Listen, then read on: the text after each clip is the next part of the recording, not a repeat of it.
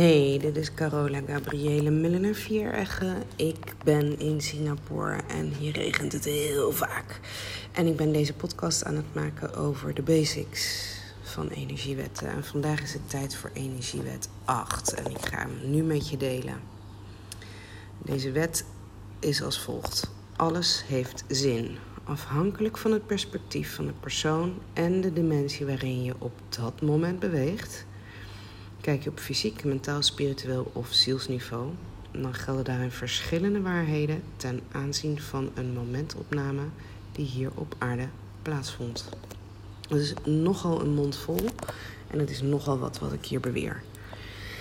Er is een prachtig verhaal en dat verhaal ga ik met je delen omdat ik vind dat dat heel erg goed uitlegt hoe deze wet in elkaar zit. Het verhaal gaat als volgt. We hebben een man en een vrouw en die wonen in een huis. En in de kelder in dat huis is het een puinbende. Er is een muur die gebouwd moet worden. En de man van het huis die is heel gierig. En die wil maar niemand in huis nemen om dat te regelen, om dat te doen. En de vrouw wordt er helemaal gek van dat dat niet op orde gemaakt wordt. En um, zij laat zich daar niet verder door beïnvloeden. Zij is en blijft gewoon de liefde zelf.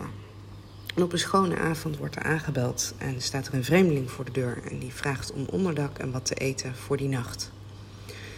En de vrouw laat hem binnen en de man die begint alweer gelijk te voeteren en dat wil hij allemaal niet. En uh, de vrouw zegt, nou kom toe nou maar, uh, we hebben genoeg, we hebben genoeg te delen, dus doe nou maar niet zo moeilijk. Waarop die man zegt, nou oké, okay, vooruit dan, uh, je kan in de kelder overnachten. En de vrouw die brengt een lekker maal en een goed glas wijn voor de vreemdeling en zorgt goed voor hem. Maar ze krijgt het niet voor elkaar dat hij ergens anders mag slapen. Dus de nacht verstrijkt en de volgende ochtend aan het ontbijt zitten ze weer bij elkaar. En uh, geniet de vreemdeling nog een keertje van een ontbijt en dan vertrekt hij. En tot de grote verbazing van een ieder zien ze dan dat uh, de muur beneden in de kelder, die is gerepareerd. De vreemdeling die heeft dat gemaakt. En de vreemdeling uh, heeft ervoor gezorgd dat het piekfijn in orde is gemaakt. En dat vindt, uh, de vrouw vindt dat heel vreemd. Die denkt, ja maar waarom nou toch? Waarom heeft hij nou als bedank voor het slapen in een vieze, tochtige kelder... een muur voor me gerepareerd? Dat is wat de vrouw denkt. En de man denkt, jippie, hartstikke goed, goed geregeld, scheelt me hartstikke veel geld. Ik hoef niet iemand in huis te halen die het regelt. Haha, nou, dat is eh, win-win voor mij.